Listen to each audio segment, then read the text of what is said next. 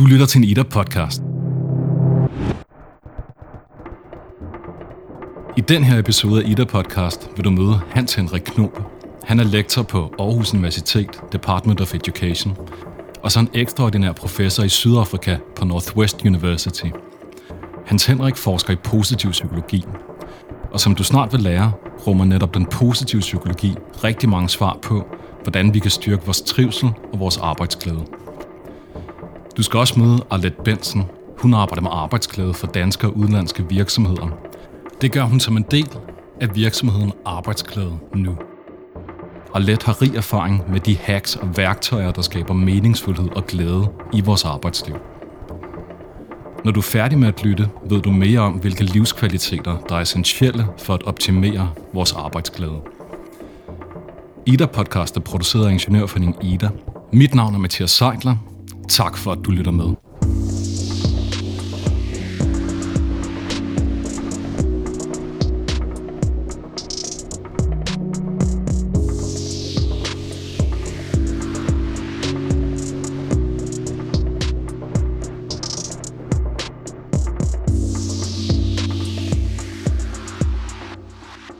Vi starter hos Hans Henrik Knob, der er en førende forsker i positiv psykologi og ved en masse om, hvorfor det er vigtigt.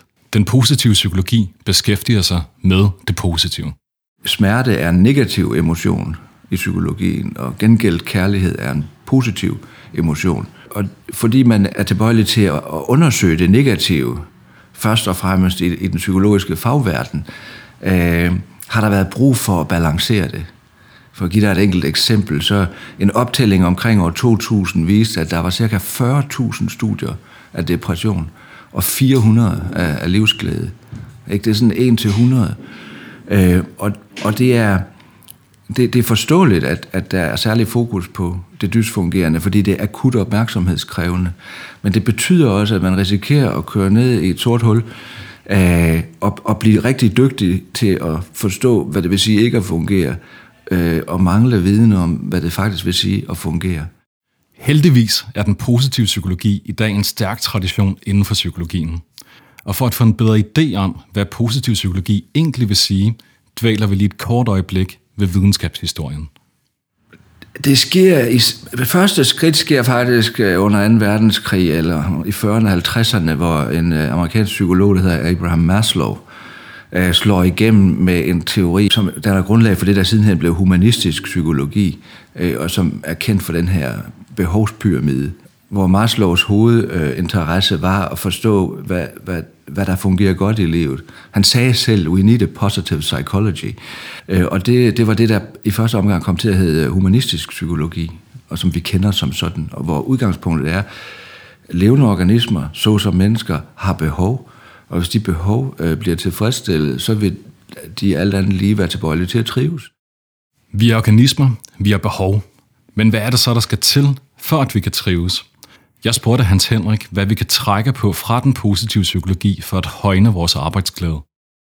Man kan sige, at arbejdsglæde det er en, en form for trivsel på arbejdet. Øh, og trivsel, det er sådan et samlebegreb, det er sådan et konstrukt, som ikke i sig selv er lige til at forstå, men som er et resultat af, at der er en hel masse komponenter, som er til stede typisk. Og de komponenter kalder vi livskvaliteter.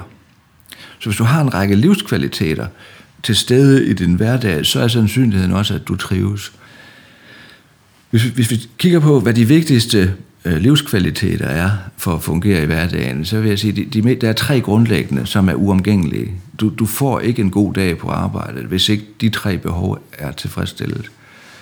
Det ene er helhjertethed, det at du øh, er helhjertet i det, du gør, at du kan se mening med det, at det er velbegrundet, at du kan, du kan se dig selv i spejlet med det. Øh, det andet, det er, at du oplever dig socialt forbundet. At du ikke er ufrivillig ensom. Øh, at øh, du ikke har en oplevelse af, at det er egentlig ligegyldigt, om jeg møder op eller ej. Det gør ingen forskel. Jeg er, kun, jeg er bare et tandhjul i et stort maskineri, der kan blive erstattet af en anden, der udfører samme funktion.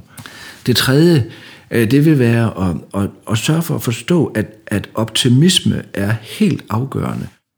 Vi taler altså om livskvaliteterne, der er komponenter i et godt arbejdsliv. Hans Henrik peger på tre grundlæggende. Helhjertethed, den sociale forbundethed og så optimismen, som er helt afgørende. Nu dykker vi længere ned i, hvad de hver især indebærer. Vi starter med helhjertethed.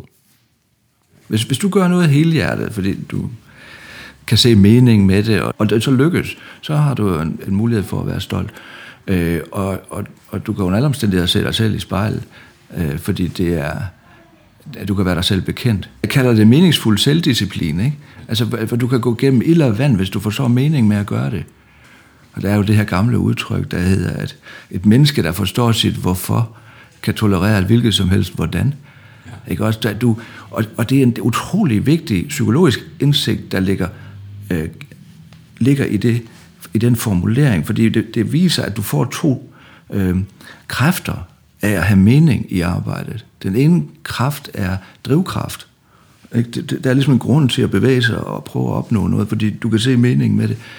Og den anden kraft, du får, det er modstandskraft. Når, når, når modgangen så kommer, ikke? Så, så, så er det, at du forstår, hvorfor det er vigtigt at blive ved med at, at kæmpe for den her sag, øh, din stærkeste ven, din bedste ven, øh, og den, den, den bedste legitimering, og, og, og den bedste sovepille. Det, det er det, der gør, at du kan sove godt om natten, også selvom det har været en hård dag.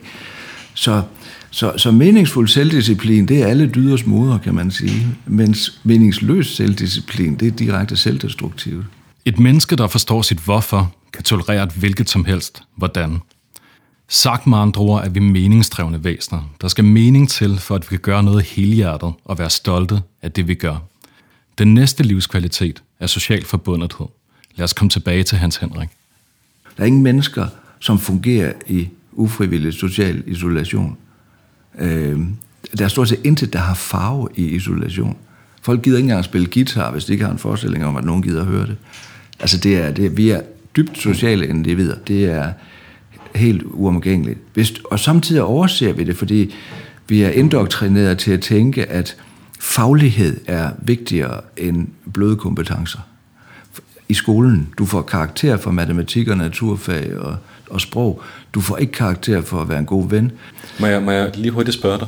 Du taler om, om social forbundethed, mm-hmm. som noget, der er enormt vigtigt for vores trivsel, ja. og igen for vores produktivitet. Øhm, ja. Hvordan er det, vi kan arbejde med social forbundethed på arbejdspladsen?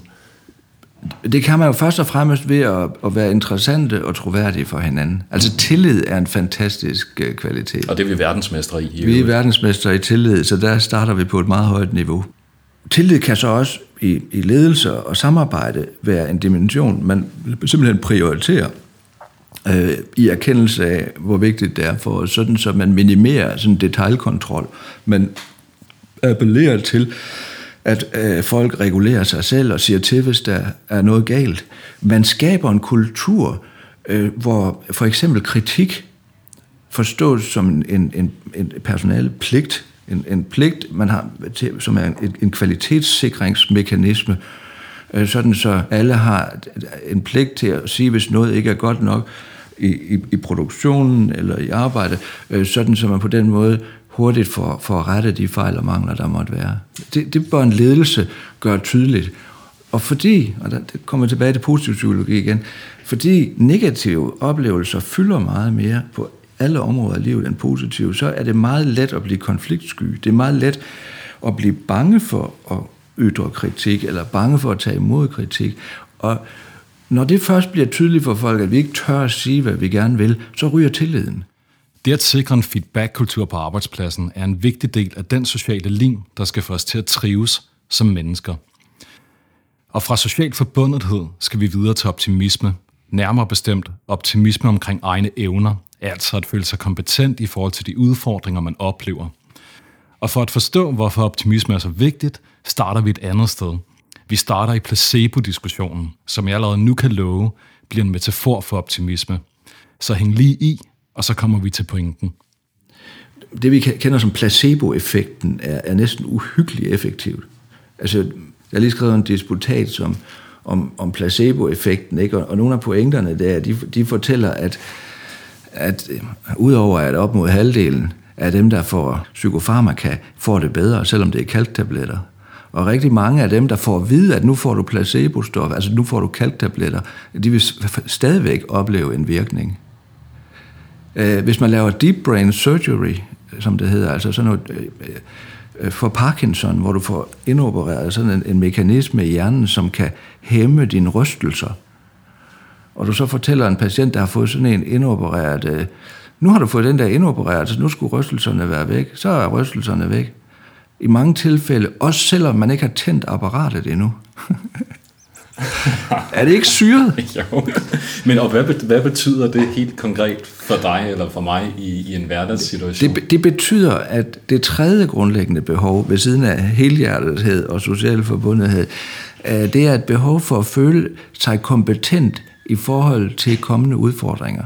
Det vil sige, en hvilken som helst ingeniør, der skal have det godt med sig selv og have en god dag, har også behov for at tro, at hvis jeg gør mig umage med de udfordringer, jeg står overfor, så lykkes jeg tilstrækkeligt tit med dem til, at det er værd at gøre sig umage, til at det er umagen værd at gøre sig umage. Den grundlæggende optimisme, som i daglig tale også kaldes selvtillid, eller med et fagbegreb kaldes self-efficacy, er også øh, uundværlig. Øh, og det vil sige, hvis, hvis, hvis du får sådan en trivselsmåling, hvis du får sådan en udsagn i en trivselsmåling, der hedder, Øh, jeg kan som regel, hvis bare jeg gør mig umage, så skal svaret være ja. Tak til Hans Henrik for de tre livskvaliteter. Helhjertethed, social forbundethed og optimisme. Vi vender tilbage til Hans Henrik om lidt, men nu skal vi møde Arlet Bensen, der som sagt arbejder med virksomheder og organisationer for at skabe arbejdsglæde.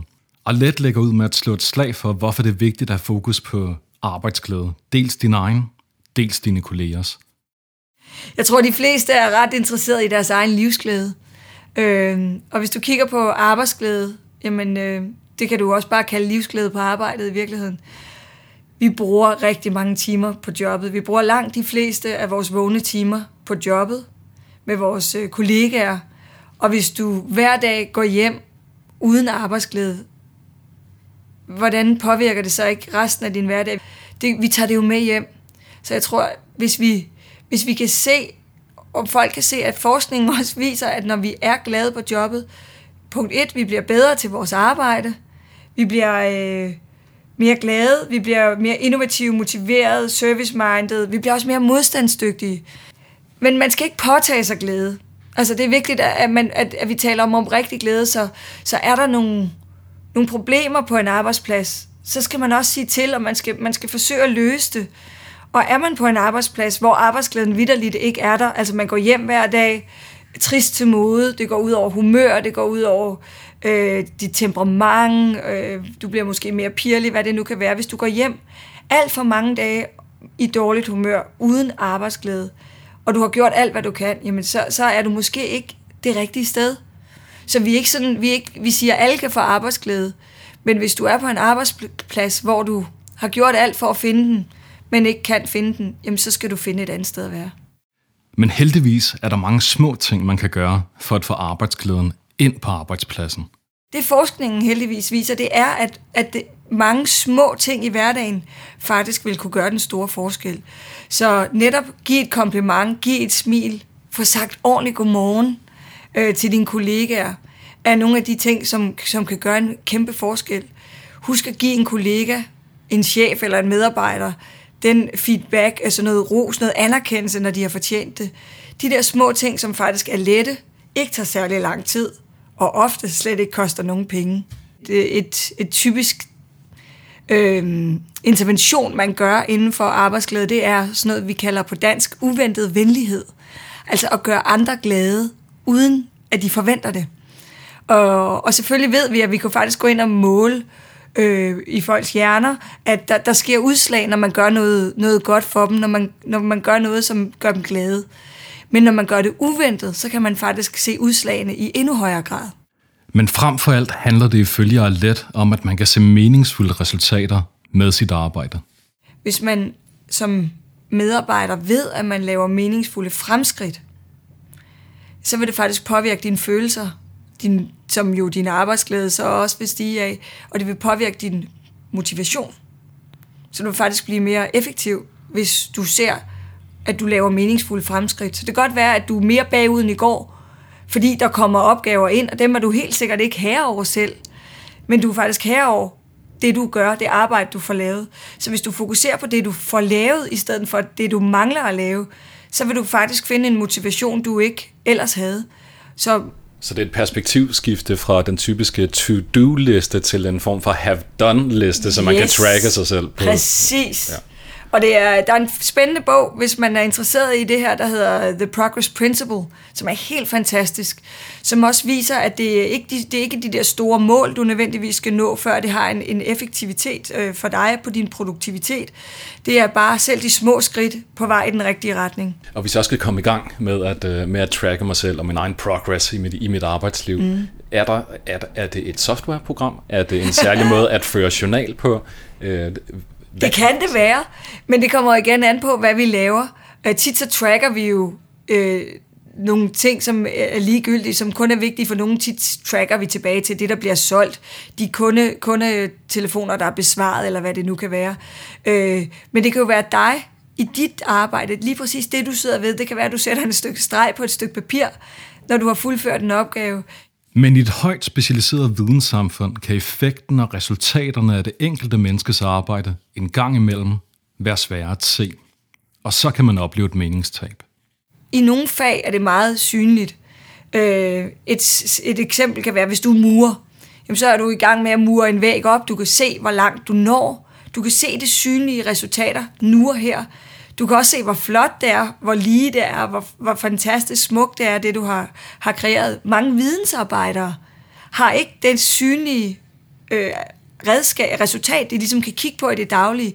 De skal blive meget bedre til at i talsætte over for hinanden det arbejde, de har nået. Det, og det er et godt eksempel. Ikke? Altså, mm. det, du kan se en bygning, den, den bliver bygget, den bliver større, og så er vi færdige med den. Ikke? Men, ja. men, men hvis du sidder og leverer noget, noget, noget, noget kode, der, bliver, der ender med at ryge ind i et program, og du ikke rigtig ved, hvilken rolle den kode endte med at spille, jamen så bliver det lige pludselig usynligt og utydeligt for dig, hvad det er for en forskel, du har gjort. Ikke? Præcis, du ser sikkert ikke engang det færdige resultat. Du er allerede i gang med det næste projekt, den næste opgave. Og hvis ikke der er nogen af dem, og det kan jo være interne kunder, altså det kan være internt i en virksomhed, du leverer det videre til andre.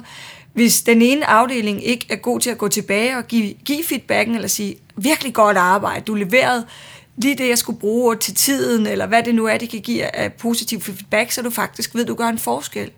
Okay, så det, er, så det handler om at, at skabe en infrastruktur for arbejdsglæde, der gør, at afdelinger også får kommunikeret på tværs af hinanden, for, for fortalt, hvad er det for en forskel, der, der, der er sket her, ja. og hvad har en forskel gjort for os, men også øh, altså vertikalt fra ledelsen og ned og så op igen. Absolut. Og med de silodannelser, vi ser, der, der kommer rigtig meget, og det er jo meget op i tiden, at folk taler, at de er i siloer, jamen så er det her endnu vigtigere. Selvfølgelig skal vi på tværs snakke sammen, vidensdele, dele de succeser, de er, øh, give feedback og, og hele tiden sørge for også at, at måske sige, hvad er det, mit behov er, øh, og sige, når jeg får en opgave, det vil være rigtig dejligt, hvis du leverer den på den og den måde, er der mulighed for det, hvordan kan vi, kan vi mødes på det her. Så øh, kommunikation er jo vanvittigt vigtigt. Feedback og at dele succeser i organisationer er noget af det, der kan skabe mening og dermed arbejdsglæde. Og med det siger vi tak til Arlette Benson. Nu skal vi tilbage til Hans Henrik Knop. Og vi lander direkte på den østafrikanske savanne. Og det gør vi af en god grund. For der er en god grund til, at det nogle gange kan være svært for os at opnå arbejds- og livsglæde. Og det har at gøre med vores biologi og vores evolutionære baggrund. Vi er jo udviklet gennem en millionårig historie på den østafrikanske savanne først og fremmest. Og der var det simpelthen vigtigere at være opmærksom på det farlige og det ubehagelige, end på det velfungerende. Øh, Så du flygter fra løven, før du spiser bananen? Øh, for eksempel, eller, eller, men du er hele tiden nødt til at prioritere worst case scenario på din indre lystavle. Altså forestil dig, at du er i højt græs på savannen, og det rasler i græsset. Ikke? Så kan du spørge dig selv, kan jeg vide, om det er vinden? Ikke? Men, men det overlever du ikke. At dit bedste prognose vil være, hvis du antager det værste, at det er leoparden. Øh, better safe than sorry. Det, og det gælder på alle områder. Så vi er dybest set ikke optimeret biologisk til at være glade og lykkelige. Vi, vi er selekteret gennem en millionårig historie til at overleve. Men og hvad gør vi ved det, Hans Henrik? Det kan simpelthen ikke, det, det er for dårligt. Vi er, vi er jo højteknologi, vi lever i et højteknologisk samfund. Jamen, jamen, Hvilke hacks er det, vi skal gøre brug af? Jamen, der, der gør vi for eksempel det, at hvis for eksempel forstår, at, at det her felt inden for psykologien, vi kalder positiv psykologi, det er oprettet primært på, for at imødegå den der iboende tendens, vi har til at gå i sort. Vi starter biologisk langt bagud på point, øh, hvad, hvad angår positiv og negativ. Positive oplevelser er langt svagere end negative oplevelser. Der skal næsten ingenting til, for at en negativ oplevelse fylder meget.